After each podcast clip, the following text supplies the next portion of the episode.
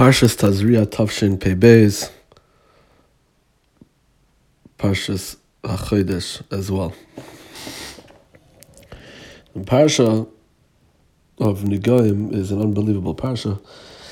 It's one that um, is uh, a whole Parsha, but most of a Parsha, dedicated to this very interesting, interesting uh, existence that HaKadosh Baruch Hu put in the Bria, which unfortunately we no longer have.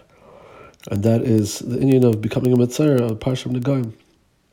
And the Rishonim, the Farshim, speak about the uniqueness of this Einish that of Tzaras that comes about, that used to come about, where not only were people afflicted with this, but depending on the circumstance, it would also afflict houses and clothing of a person as well.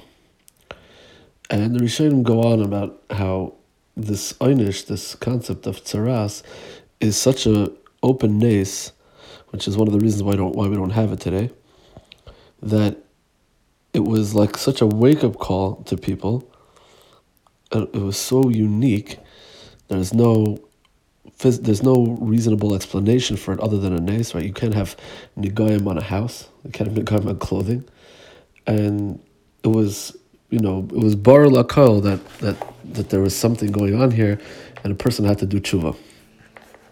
Now Rabbi Rochim, it uh, goes Kedarka goes and explains this beautifully. He has a very long arichas about this, and he says a fascinating thing. He says, really this brings up the famous Ramban at the end of Parshas Bo, where the Ramban is Myrich about Nisim and about Yetzias Mitzrayim, and how when the Banishal makes Nisim Gluyim, they are a, a, an awakening for us, and they're supposed to make us come to the realization that there is no such thing as teva, there's no such thing as nature, and even the small day to day things that happen, there's so many millions and billions of things that occur in our lives from every second, um, those are all nisim, right? And we have to just come to that realization. It's supposed to awaken us to correct ourselves and, and be cognizant of the Olam at every moment. And he says, he says an amazing thing. He says that the Torah, he says he brings a pasuk, a pasuk in Mishle.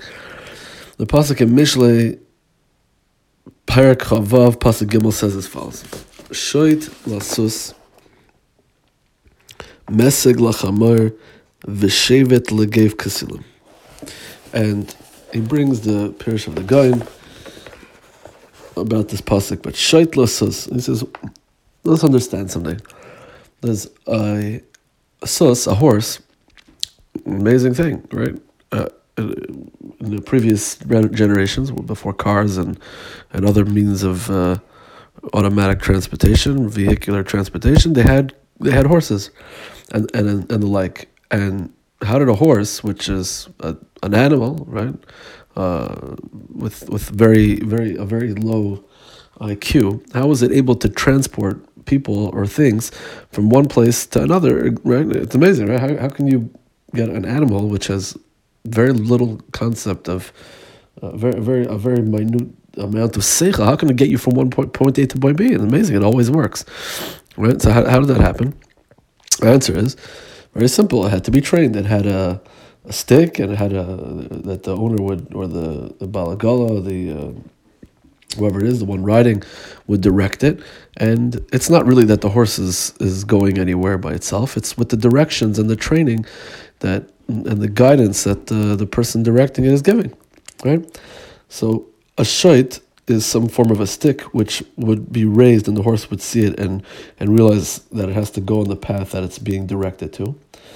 And a meseg for chamar is something a chamar is I get I guess uh, it was not as uh, as bright as even a sus.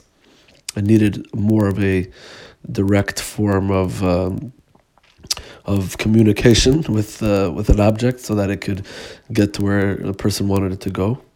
And the pasuk ends off by saying, "An exil, a fool, uh, was not Ksil didn't the, no, those two things wouldn't wouldn't be enough. Ksil needs a shevet, a shevet legev Ksilim. It needs a whack on the back, right? Ksil needs a, a smack. It needs a real zetz. Meaning, Ksil, Shlomo Melech is telling us that Ksil, a fool, which is really all of us, is not even as good as a chamar and not even as not a, not a sus. Because we don't take and we don't heed the directives that we're given. And where we're supposed to go we don't follow. And we need a shevet legayv that's what we need. We need a we need a zetz. We need a big zetz. Because we're not even on the on the level of behemoths so the medrash actually there's a medrash in Shmos Rabbah which talks about which says this pasuk and this medrash references a pasuk and it says Shait Lasos is Pharaoh Harishan, the first Pharaoh. Uh, Pharaoh was uh, came in contact with Avram Avinu and he took Sarai, and the Baruch had to hit him. The Meseg Lachamar is Avimelech, and Shevet Legev Ksilim is Pharaoh and the Mitzrayim that uh, they, they, they needed the Makkis to, you know, to absolutely obliterate them. And and then only at that at that point they did Klal go, where they sent out, and it wasn't even something. It was something that they even regretted doing, and uh, that was the level that they were on. They were much like Exil because it took them so many clap and so many patch and so many, you know, so much, uh, so much, so many einshim, till they were able to get Klal to get to to allow Klal Yisrael to leave to listen to the British basically. So now basically, what we see is is that there's a point when, when you know, when even when, when us as ksilim, there's finally some sort of something that's able to wake us up, and that was that's the idea of of the nigaim. When you see something so open, such an openness occur, it's supposed to jolt and say, whoa, whoa, one second, what's going on here? Nega on a bias nega on clothing, nega on a person. None of this had any scientific explanation. And only they were like, oh, okay, the Bereshit wants us wants something from us. What what are we doing wrong? Ibrahim brings a Gemara. The Gemara says in Brachas, the Gemara in Brachas Dafhei, says that one of the Amoraim, Rav Huna, he had 400 barrels of wine go sour, turned into vinegar. The first reaction of the Chacham was, the Yafashrash Ramaisa, the Gemara says, yeah, what did you do? Did you do Aver? You know, so many times, it's probably the automatic reaction to for most of us in almost every situation. Something goes wrong, whatever it is, you know, small, bigger, and with oh my goodness, okay, this this guy caused that. That's that guy, that guy was this other person was him this, right? Someone gets into a car accident, or someone gets into, someone's unwell, or someone someone loses money, or something like that. First we think it's someone else's fault, or why did that happen, or this, and there's all these types of explanations that we give. The way we are supposed to look at it is, okay, what did I do wrong? What does the Baruch want from me? That's exactly the response of a Yid of not blaming this and blaming that and come up with all these other explanations. That the reason is the reason why this investment didn't go right is because this is going on in the world and that's that and that's why the stock market all these different types of other things.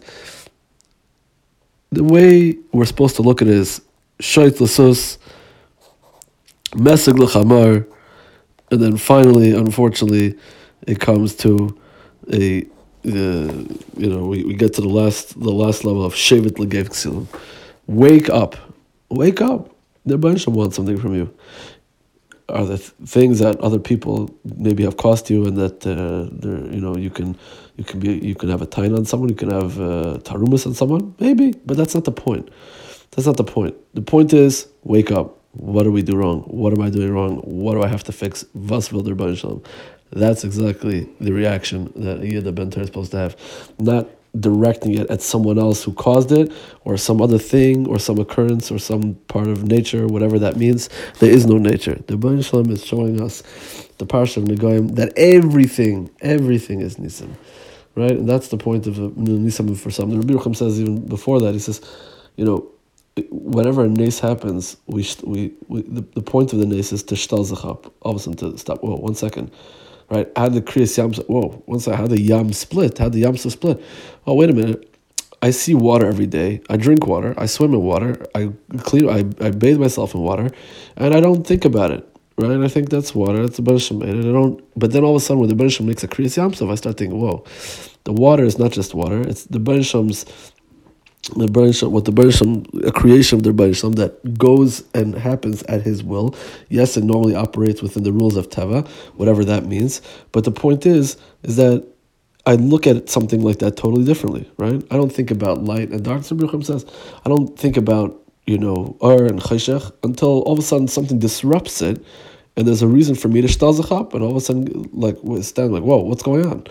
And whatever my realization or whatever my view or understanding was of that, it's totally changed because there's been a massive disruption to that by the nes that Hashem performed. So when we see a nega come, we realize, one second, something's going on here. What we thought of how the Bria works is not exactly how we're supposed to be thinking because we're not thinking, more, more likely, we're not thinking about it at all. And then our whole view of things changes. That's how it is. And that's the point of the nes. That is the point of the nes. The Shtal give Barisham giving, giving us a shackle, right? Mesag gave ksilim. Kick in the pants. What's happening? What did I do wrong? What's going on? What was will der Barisham? Right? That's the first and only reaction that we're supposed to have. Yeah, what other other things they're supposed to do, you do fine, whatever you do. That's totally not part of the, the, the equation. That's not the shiloh. That's not the shmuz. That's not the discussion. That's not even. It's not. It's irrelevant. It's really irrelevant. Take this guy to Derek. What he did. Do this. Do something better. Fine. That's not the reason. That's not what we're supposed to be looking at. We're supposed to be looking at right away. Is yishaf myself, right? What happened to the 400 things? I can tell a million reasons why the barrels of wine went sour. It was the weather, it was where it was stored, it was how it was stored, it was because of the wine was this, it's because the grapes were harvested the wrong time. No. What does the British want from me? What did I do wrong? No, no looking into and figuring things out from any other perspective other than what does the British want. That's our reaction to to to things that happen. That's what it should be. That's what the British wants and that's the parsha of Negoim.